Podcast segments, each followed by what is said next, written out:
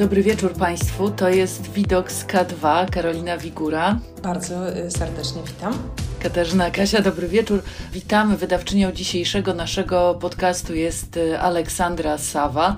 No i e, zanim przejdziemy do rozmowy z naszą gościnią, zanim zaprosimy na K2 wspaniałą, cudowną, najlepszą Katarzynę Jagiełło, to chciałam Ci, Karolina, zadać kilka pytań, bo e, po prostu nie dają mi one spokoju, wiesz, i mam taką okazję, że mogę Cię zobaczyć, więc od razu Cię odpytam.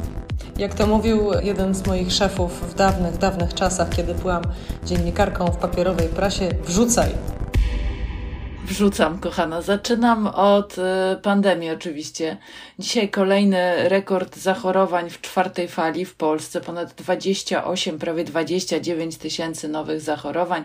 460 y, osób y, umarło.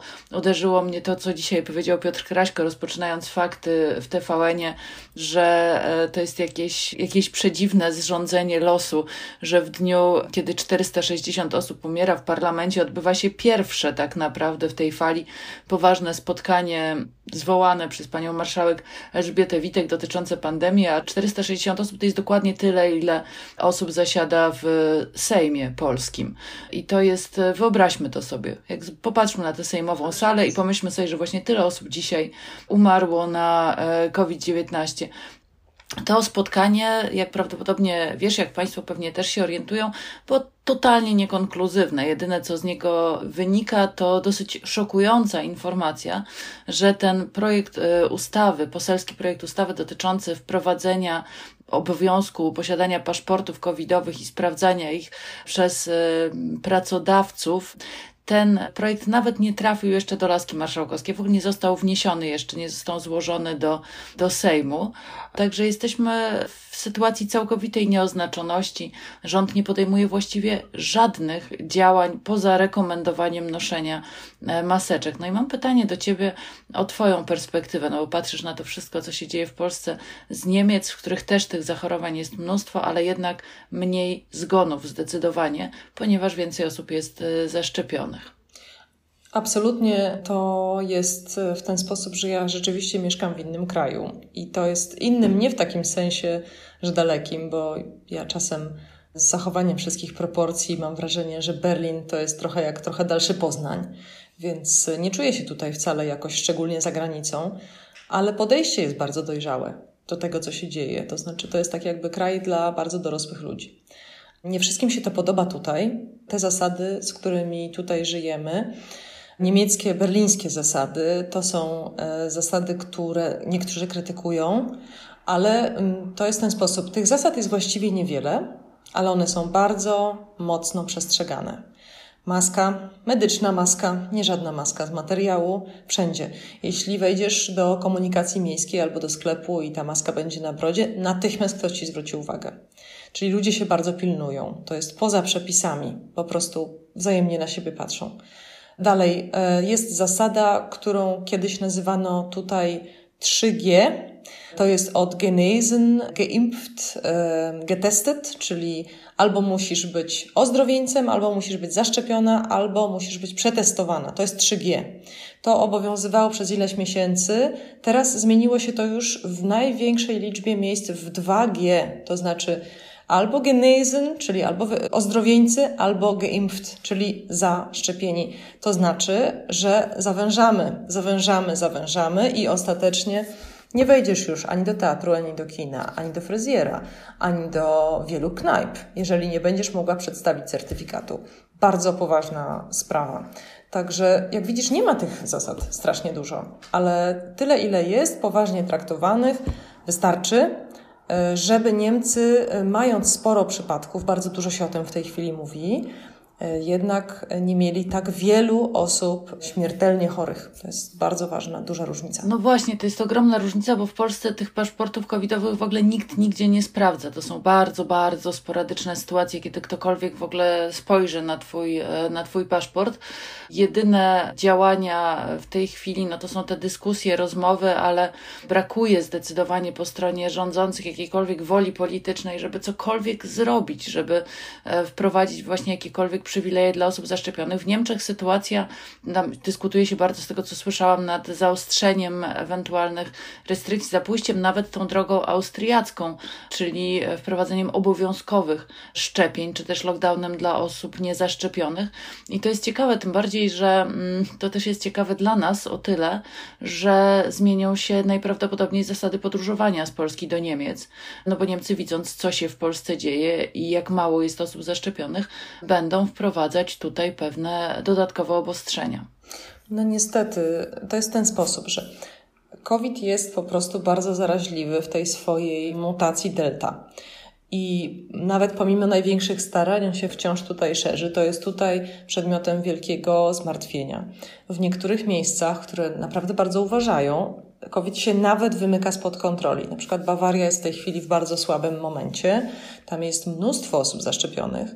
Są restrykcje bardzo podobne jak w Brandenburgii, czyli tam, gdzie ja jestem, ale mimo wszystko y, są duże problemy, żeby się dostać do szpitala i to nie tylko dla osób chorych na COVID, ale po prostu chorych, na przykład, na przykład kardiologicznie. Więc to się może wymykać spod kontroli, nawet jeżeli te wszystkie restrykcje działają, ale co do zasady, jeśli są restrykcje i jeżeli są przestrzegane w sposób poważny, to jednak nie dochodzi do takich, do takich rzeczy, jak już właściwie dochodzi u nas. To znaczy, że ta śmiertelność po prostu idzie do góry w sposób nieopanowany. To jest bardzo, bardzo martwiące.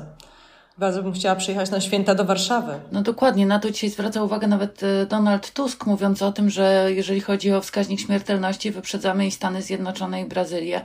Także tu sytuacja jest naprawdę bardzo, bardzo poważna. Ale e, skoro już e, rozmawiamy o sprawach bardzo poważnych i trudnych, to muszę Ci powiedzieć, że jestem dzisiaj pod gigantycznym wrażeniem orzeczenia, kolejnego wspaniałego orzeczenia Trybunału Konstytucyjnego Julii Przyłębskiej, który orzekł dzisiaj, zapytanie zostało zgłoszone przez e, ministra, i prokurat, ministra Sprawiedliwości i prokuratora generalnego Zbigniewa Ziobro i Trybunał orzekł, że jeden z artykułów Europejskiej Konwencji Praw Człowieka jest niezgodny z polską konstytucją. A tutaj chodzi konkretnie o artykuł 6 ustęp 1 i przeczytam Ci to. Ten artykuł głosi, że każdy ma prawo do sprawiedliwego i publicznego rozpatrzenia jego sprawy w rozsądnym terminie przez niezawisły i bezstronny sąd ustanowiony ustawą przy rozstrzyganiu o jego prawach i obowiązkach o charakterze cywilnym albo o zasadności każdego oskarżenia w wytoczonej przeciwko niemu sprawie karnej.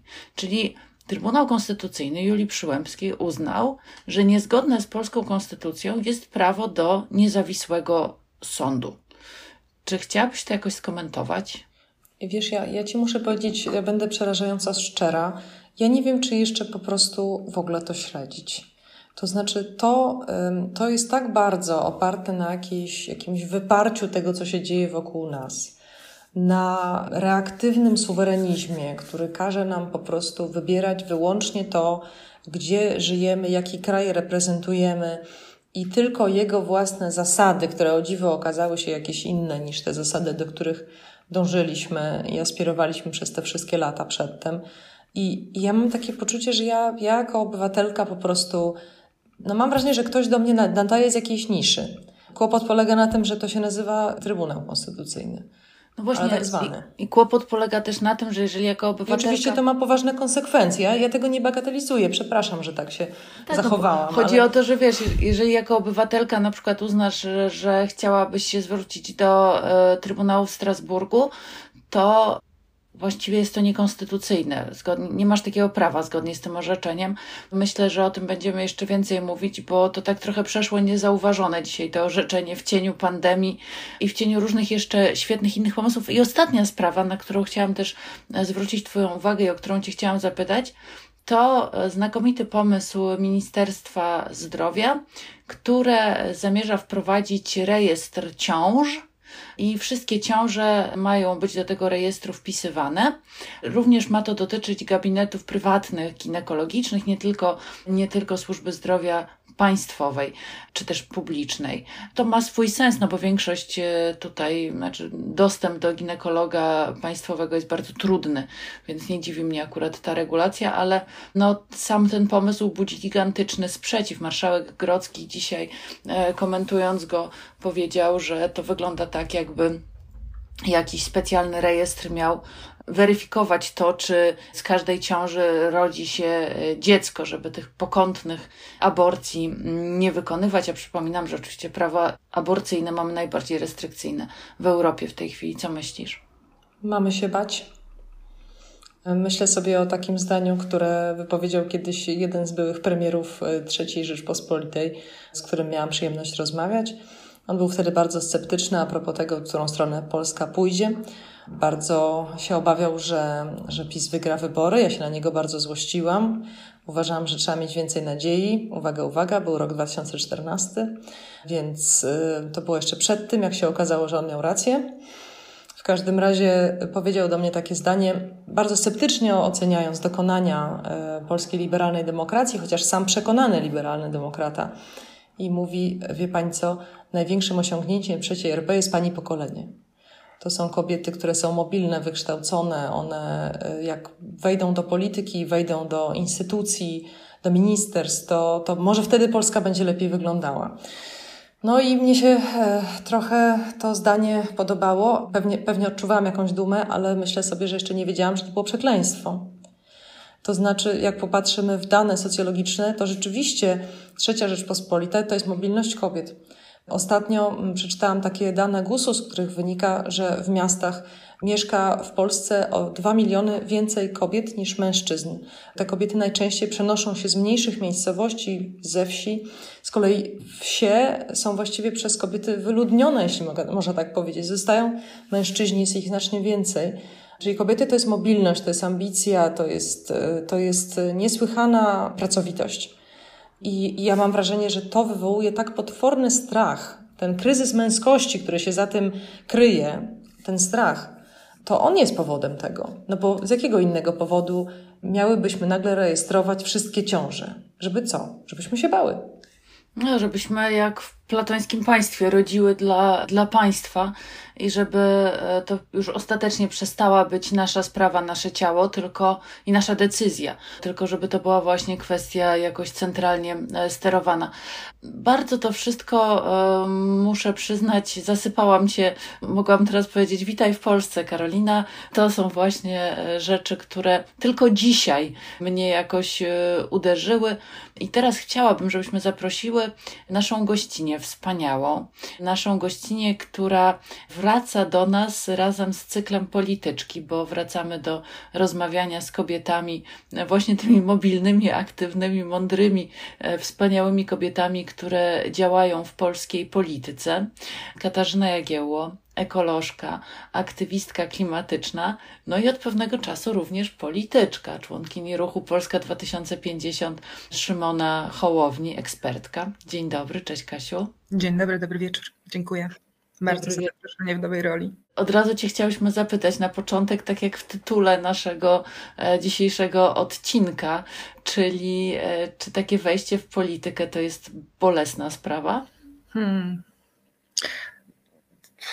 Dobre pytanie i zastanawiałam się nad nim dzisiaj bardzo długo, ale mam takie poczucie, że aktywizm klimatyczny i aktywizm przyrodniczy to bardzo dobry trening przed wejściem w politykę, bo dbanie o przyrodę w Polsce oznacza, może oznaczać takie lata rozczarowań przeplatane drobnymi zwycięstwami. I to jest, y, myślę, nastawienie, które pozwala być w polityce i, i mnie przynajmniej pozwala trzymać się misji, którą, którą mam od lat. Więc ten szok nie był taki ogromny. Szczerze mówiąc, też praca w globalnej organizacji ekologicznej, globalnej korporacji ekologicznej, to też jest wiele kontaktu z Sejmem, wiele kontaktu z parlamentem, wiele kontaktów z politykami. Zmieniło się na pewno takie poczucie odpowiedzialności, bo też perspektywa działaczy czy to aktywistów niezrzeszonych w formalnych organizacjach, czy też aktywistów takich ruchów oddolnych, no jest jednak skupiona ta energia na, na energii protestu, na energii e, znalezienia tego, co należy poprawić, wprowadzić, zatwierdzić, zrobić. A rola polityka wiąże się też e, bardzo mocno już z pytaniami o możliwość realizacji poszczególnych rzeczy. I tutaj widzę też, tutaj widzę największą, największą różnicę, ale czekałam na nią. Kiedy się pojawiły reklamy tego naszego dzisiejszego wieczornego spotkania, to napisał na, na Facebooku Kasper Szulecki, e, który jest ekspertem do spraw klimatu i ochrony środowiska. No i przy okazji mówię z dumą, że członkiem redakcji Kultury Liberalnej. I powiedział, że to jest bardzo ciekawe to spojrzenie właśnie Twoje ze względu na to przejście. Najpierw patrzysz z zewnątrz, potem patrzysz z wewnątrz. I on też zacytował bardzo ciekawy artykuł, który się też w kulturze liberalnej ukazał, e, Łucji Kudły, e, gdzie ona e, pisze coś takiego. Pisze o kopie zresztą i mm, mówi, że to jest konferencja wykluczenia, no ale potem pisze tak. Walczymy o podstawowe prawo do życia, jednak nie wszyscy mamy w tej walce równe szanse. Bezpieczna młodość to przywilej, aktywizm to przywilej, smutek z powodu kryzysu klimatycznego to przywilej. Od 2015 roku, kiedy zostało podpisane porozumienie paryskie, na całym świecie zostało zabitych 1005 obrończyń i obrońców natury. Czy mogłabyś skomentować to dla nas? Przywilej to takie, takie trudne słowo teraz w Polsce mam wrażenie, bo może być e, równie dobrze wykorzystany jako obelga i bywa też w tym konflikcie pokoleń pomiędzy najmłodszymi uczestnikami dyskursu a, a tym pokoleniem średnim. Czy jest to przywilej? No tak, w Polsce, w Polsce nie, nie giną osoby, to jest raczej pewne. Czy depresja, czy smutek klimatyczny to przywilej? Ja rozumiem to jako przykład, który podaje, że ogromne rzesze ludzi na świecie nie mają komfortu pochylenia się nad sytuacją inną niż przetrwanie i, i codzienny, codzienny byt. Więc tak, w tym sensie to jest, to jest przywilej i myślę, że przez wiele lat byłam tego bardzo dobrze świadoma, że możliwość poświęcenia się działalności, która no, daje też takie uczucie, które jest niezbędne w nadziei, czyli sprawczość, albo może ją dawać co jakiś czas, to jest przywilej i nie będę tego ukrywać. Z drugiej strony nie chciałabym w żaden sposób odejmować wagi podejmowania takich decyzji w bogatej, zadowolonej i bezpiecznej Europie. Kiedy myślę o tym, że w tej chwili bardzo młode osoby naprawdę serio zadają pytania o to, po co właściwie mają się kształcić i po co mają uczestniczyć w wyścigu przez życie, skoro kryzys klimatyczny wisi nad nimi i tak czy siak zmieni naszą rzeczywistość w sposób drastyczny. To są pytania, które często słyszę od aktywistów, na przykład młodzieżowego strajku klimatycznego. To nie wiem, czy to, że oni mają przestrzeń na to, żeby się zająć aktywizmem, na pewno mogłabym odrzucić jako, jako kwestię przywileju. No, pewnie w jakiś sposób tak, szczególnie, że większość tych aktywnych uczestników e, młodzieżowego strajku klimatycznego pochodzi z większych e, miejscowości. Ja myślę, że ci, którzy się zajmują przyrodą i klimatem, to, tak jak już mówiłam we wstępie, naprawdę są przyzwyczajeni do tego, że, że te tematy nie są mainstreamowe, nie są najważniejsze. Od kilku lat klimat stał się najważniejszy, ale też nie oznacza to, że zmieniło się jakoś drastycznie nastawienie państwa na przykład.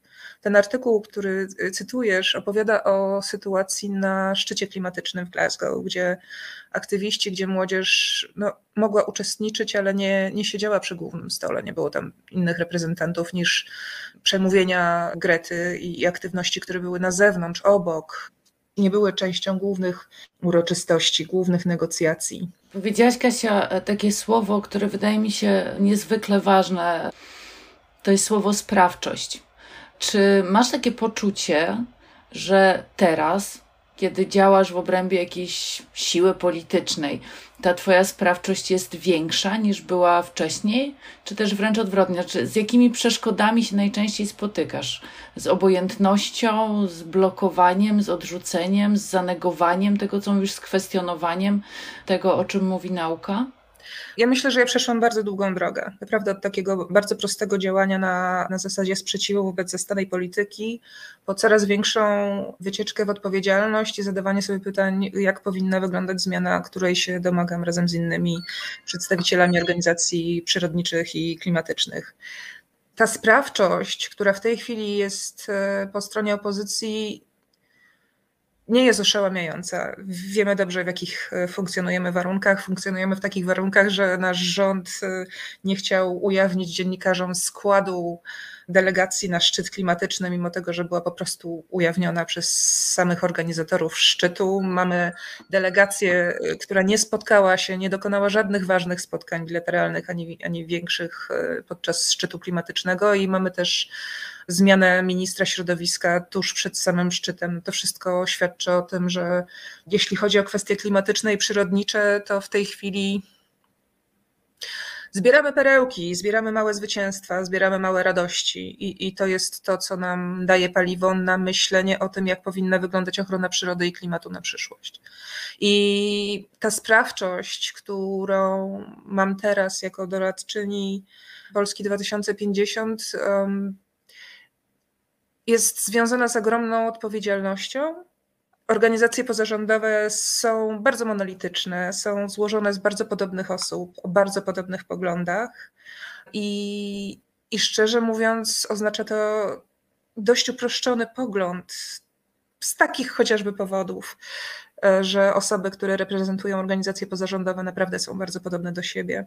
E, w momencie, kiedy wchodzi się w świat polityki, to jest przynajmniej ja mam o wiele więcej kontaktów z trzewiami Polski, z samorządami, z oddolnymi działaniami z intencjami, które, które potrzebują zagospodarowania, a jednocześnie nie do końca wiedzą w jakim kierunku iść. Widzę, jak potworny jest greenwashing w tej chwili uprawiany na każdym poziomie w Polsce, jak łatwo jest mieć nadzieję, że robi się działania ekologiczne, a, a iść na pasku no, marketingowych e, ściem. Co jest trudniejsze teraz? Trudniejsze jest to, że jestem identyfikowana z konkretną partią, z konkretnym ruchem politycznym co oznacza, że straciłam jakąś tam swoją aktywistyczną niewinność, przynajmniej w oczach niektórych. I to bywa wyzwanie, że kiedyś byłam e, obarczona metką globalnej organizacji ekologicznej, jeszcze w dodatku z zarządem nie w Polsce, a teraz jestem obarczona. Mm, no, widzę to czasami w oczach, e, kiedy rozmawiam e, z politykami innych ugrupowań, że rozmowa ze mną ma już drugie dno a ono jest związane z tym, czy można współpracować e, ponad e, partyjnymi podziałami. Czegoś, czego przedtem nie doświadczyłam. Ja muszę powiedzieć, że mnie się to podoba. To znaczy, dopóki polityka w ten sposób wygląda, że kiedy kogoś spotykamy, to już się zaczynamy zastanawiać, czy jest możliwa współpraca, to posłuchaj, właśnie opisałaś jakąś inną, lepszą politykę, której ja sobie osobiście tutaj życzę. To, to mogę tutaj dodać, że moje doświadczenia dotychczasowe są takie, że Polityka, e, polityka ma swoje miejsce na przyrodę i klimat i być może ja doświadczam raczej zastanawiania się, jak współpracować, na przykład w zespole do spraw Puszczy Białowieskiej i innych terenów cennych przyrodniczo, który funkcjonuje teraz w Sejmie. Dlatego, że jest stała, stała grupa osób, parlamentarzystów, która się tymi kwestiami e, po prostu zajmuje, więc e, szczerze mówiąc, to jest ten sam zestaw od dawna. Więc może tam jest ta chęć współpracy, bo to jest po prostu dość mocna. Potrzebna jest e, dość e, duża świadomość, że przyroda i klimat potrzebują współpracy. I to jest ogromne, wielkie wyzwanie, ale niezbędne. To ja jeszcze mam takie pytanie. Mm, jest tutaj ze mną w Berlinie na tym samym stypendium ktoś, kogo na pewno kojarzysz, nazywa się Kumi Naidu i był dyrektorem generalnym e, Greenpeace'u w przeszłości. I on właśnie cały swój tutaj pobyt poświęca takiemu pytaniu, dlaczego aktywizm zawiódł, albo dlaczego aktywizm zawodzi. Na dobrą sprawę dokonuje takiego rachunku sumienia intelektualnego i zawodowego i dużo o tym rozmawiamy. I ja mu zawsze zadaję pytanie, Kumi, a kto nie zawiódł? Aktywiści, mówisz, zawodzą. A co z politykami? Czy oni też nie zawodzą? Jak to jest, Kasiu, według Ciebie? Bardzo zazdroszczę możliwości przebywania z Kumim. To jest bardzo głęboko myśląca osoba i żałuję, że, e, że odszedł. I bardzo mnie ciekawi ta jego refleksja, że aktywizm zawiódł. Ja, ja trochę mam takie wrażenie, ale jest to związane już z refleksją, którą mam po tym, gdy wyszłam z globalnej organizacji. Jednak organizacje, które mają logo, w bardzo dużej mierze są skoncentrowane na dbałości o to logo, na dbałości o swoją organizację, i to jest wielkie wyzwanie. Tak samo jak e, często bardzo fundamentalne podejście. Szczerze mówiąc, czasami łatwiej jest o współpracę pomiędzy partiami politycznymi w konkretnych inicjatywach ekologicznych niż pomiędzy niektórymi dużymi organizacjami. To, jest, to są realia, które, które nie zmieniają się e, w świecie pozarządowym czy w świecie ruchów oddolnych. To są te same ludzkie historie, to są te same ludzkie wyzwania. A jeszcze myślę, że też ostatnio spotykam się coraz częściej z taką postawą, gdzie w ruchu ekologicznym też jest pewna y, nierównowaga pomiędzy ruchami klimatycznymi a ruchami przyrodniczymi. Dopiero od niedawna zaczynają także naukowcy na całym świecie mówić o tym, że nie da się ochronić klimatu bez dbałości o przyrodę, nie da się ochronić przyrody i różnorodności biologicznej bez walki z kryzysem klimatycznym. Ale jest ogromna nierówność wśród organizacji pozarządowych, chociażby na korzyść klimatu we wszystkim w zasięgach, w budżetach, zasobności organizacji. I kiedy myślę, kto bardziej zawiódł, czy aktywizm, czy politycy, to szczerze mówiąc, myślę, że my zawodzimy jako gatunek ludzki po prostu. Myślę, że dopiero od niedawna mówimy tak sobie naprawdę poważnie i porządnie, jak możemy ze sobą rozmawiać, żeby się w ogóle móc przekonać nawzajem. I okazuje się, że racjonalne argumenty nie działają, straszenie też. Myślę, że Myślę, że aktywiści troszeczkę za mocno często skupiają się na swojej pryncypialnej czystości, takiej ideologicznej. I szczerze mówiąc, też e, często z konkretnymi postawami wobec konkretnych narzędzi i technologii, na przykład, nie wiem, Atom versus OZE i tak dalej, i tak dalej, podchodzą w sposób, który bywa niezrozumiały dla świata polityków. Ja teraz to widzę, jak wiele zachowań, jak wiele prostych technik, które używają NGOsy czy ruchy oddolne, po prostu są kompletnie nie, nie do odczytania po stronie politycznej. Tak się bardzo często zdarza.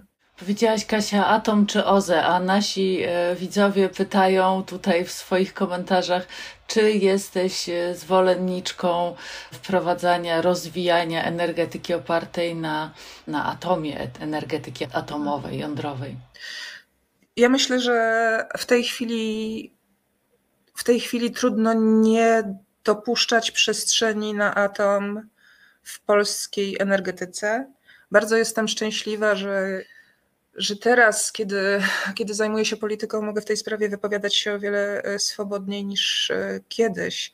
I tak, trudno mi sobie wyobrazić na tę chwilę, żeby przy technologiach, jakie mamy i przy trendach konsumpcji energii, jakie, jakie mamy, żeby polski miks energetyczny mógł się bez tego atomu obyć. Gdybyśmy mieli świetnie zrobioną dyplomację, świetne stosunki, wyobrażam sobie kupowanie energii od krajów ościennych, uczestniczenie w rynku energii europejskim, kilka bardzo ciekawych rozwiązań, ale, ale w tej chwili marzyłoby mi się tylko, żeby w idealnej sytuacji wyobrażam sobie, że energią atomową zajmuje się inna ekipa, bo tu będzie bardzo wiele pytań. W tej chwili mamy kilku bardzo dużych biznesmenów, którzy formują swoje prywatne inicjatywy związane z energetyką atomową. Tu jest mowa o tych niewielkich reaktorach gdzie, gdzie potrzebne jest wykorzystanie helu.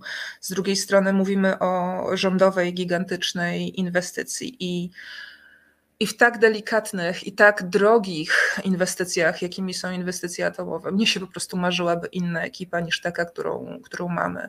Wyobrażam sobie po prostu sasinizację programu atomowego. Ja wiem, że nadzór nad budową elektrowni atomowych jest bardzo ścisły, ale też wiem, że nasz rząd jest w stanie naprawdę podeptać bardzo wiele przepisów praw. I I tego się po prostu obawiam w tej chwili. Oczami wyobraźni zobaczyłam już reaktor czwarty.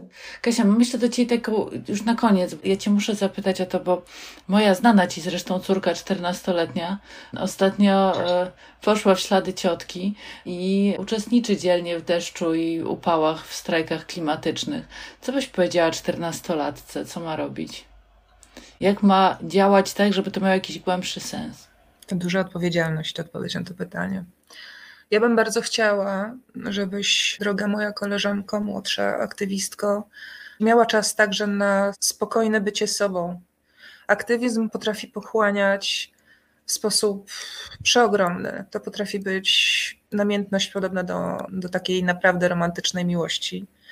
I fakt, że ten cel jest no, ogromnie piękny i też dostaje się gratyfikacji od społeczeństwa, od rówieśników, mimo trudności często. Potrafi zasłonić bardzo wiele. I o ile ogromnie się cieszę, że w tym deszczu i, i, i, w tym aktywizmie się e, Twoja córka odnajduje, to też ogromnie życzę Wam obu, żebyście się odnajdywały w zwykłych rodzicielsko-dziewczyńsko dziecięcych zdarzeniach i żebyście tego nigdy nie, nie traciły, bo oglądam młode osoby, bardzo młode osoby, które już są wypalone i myślę sobie, że to jest jedna z największych niesprawiedliwości, jakie, jakie widzę. Szereg bardzo młodych, bardzo odpowiedzialnych, bardzo pięknych osób, które, które z tej takiej zawiedzionej nadziei przez polityków, ja też weszłam do polityki w związku z tym, że byłam zawiedziona tym, jak jest realizowana polityka przyrodnicza w Polsce, też jakąś pojawia się tam taka nuta bezlitosnego radykalizmu, związanego w moich oczach z rozpaczą, a wiem, że to bardzo trudny budulec na przyszłość. To ja jeszcze mam jedno pytanie o te osoby, które właśnie nie są jak 14-letnia aktywistka, córka Kasi. Tylko mówią, dajcie spokój, my tego nie chcemy, czego nam zawracacie głowę, my mamy swoje problemy, mamy swoje zmartwienia trochę jak te żółte kamizelki we Francji, nie? Wy mówicie o końcu świata, a my myślimy o końcu miesiąca w tym czasie. To takie pytanie aktywistyczno-polityczne. Jak zamierzasz ich przekonać? Ja myślę, że to nie jest rola zwykłych ludzi, żeby stać się aktywistami klimatycznymi. My potrzebujemy porządnej polityki, my potrzebujemy polskiego planu odejścia od węgla, mapy, konkretnej daty.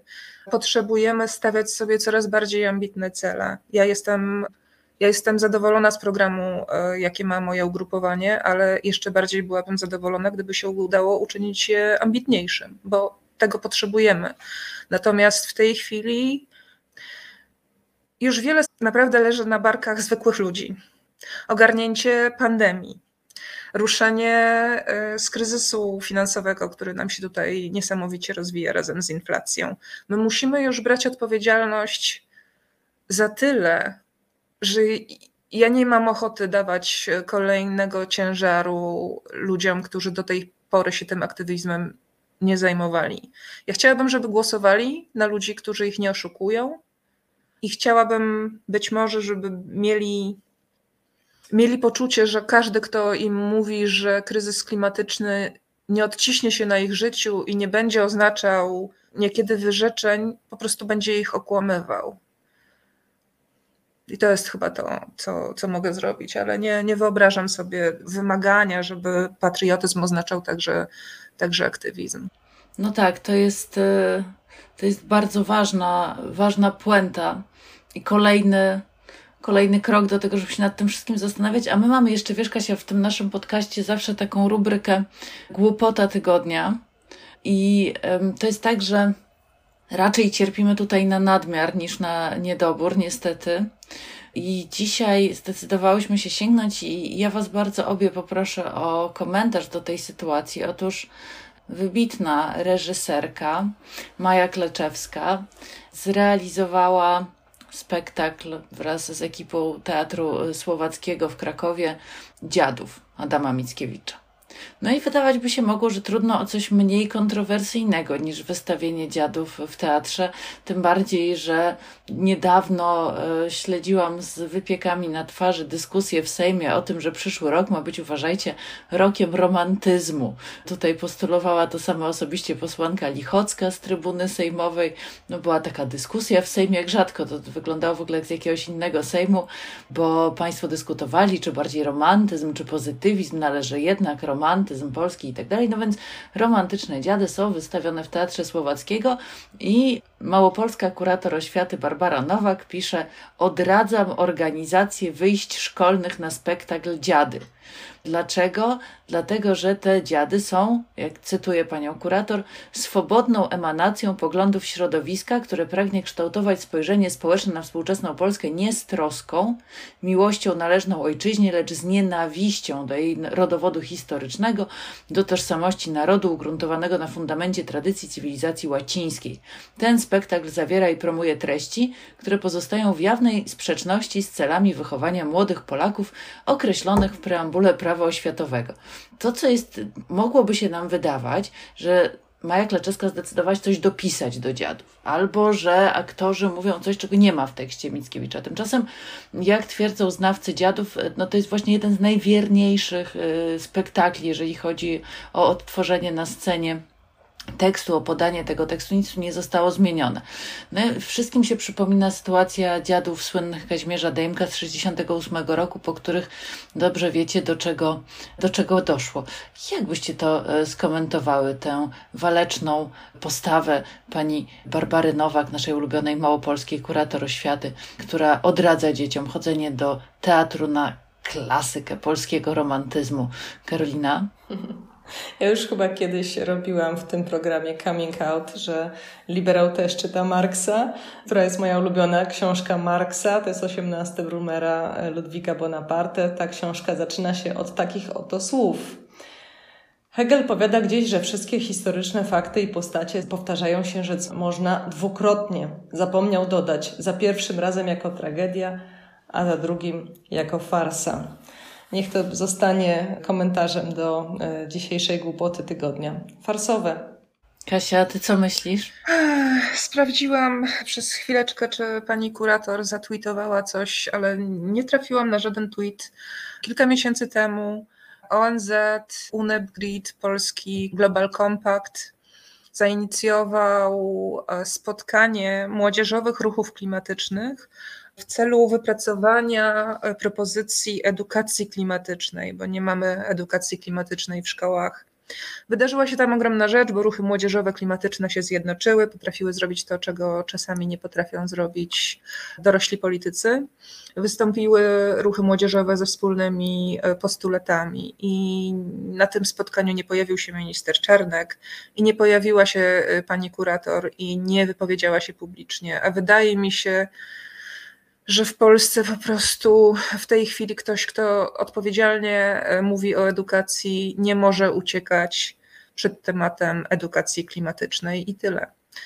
Idźcie na mhm. dziady, tu mądre teksty są, ale y, nie słuchajmy, pani y, kurator Nowak. Pójściem na dziady, słuchajcie, będzie kłopot, bo do lutego już wszystkie bilety są wyprzedane. Okazuje się, że e, jak chciałybyście zareklamować jakieś wydarzenie, to koniecznie poproście panią Barbarę Nowak, żeby je odradziła, a ono stanie się niezwykle popularne. Zresztą wszyscy wychodzą zachwyceni z tej interpretacji dziadów według Mai Kleczewskiej, więc tak, też tutaj myślę, że, że warto, warto pójść. Minister Czarnek oczywiście poparł swoją ulubioną urzędniczkę, mówiąc, że ona ma, ma rację, a minister Gliński powiedział, że porównywanie tego z 68 jest głupotą, ponieważ wtedy nie żyliśmy w wolnym kraju ja się bym bała formułować takie argumenty, gdybym była na miejscu pana ministra Glińskiego, bo bym się zastanowiła nad tym, czy może, no właśnie, coś tutaj się nie powtarza przypadkiem, ale, ale oczywiście ja tu tylko przytaczam, ja tu tylko cytuję. Mnie jest tak żal ministra Glińskiego. On kiedyś był związany z ruchami ekologicznymi. No był właśnie. I ja pamiętam, ja pamiętam taki cytat z niego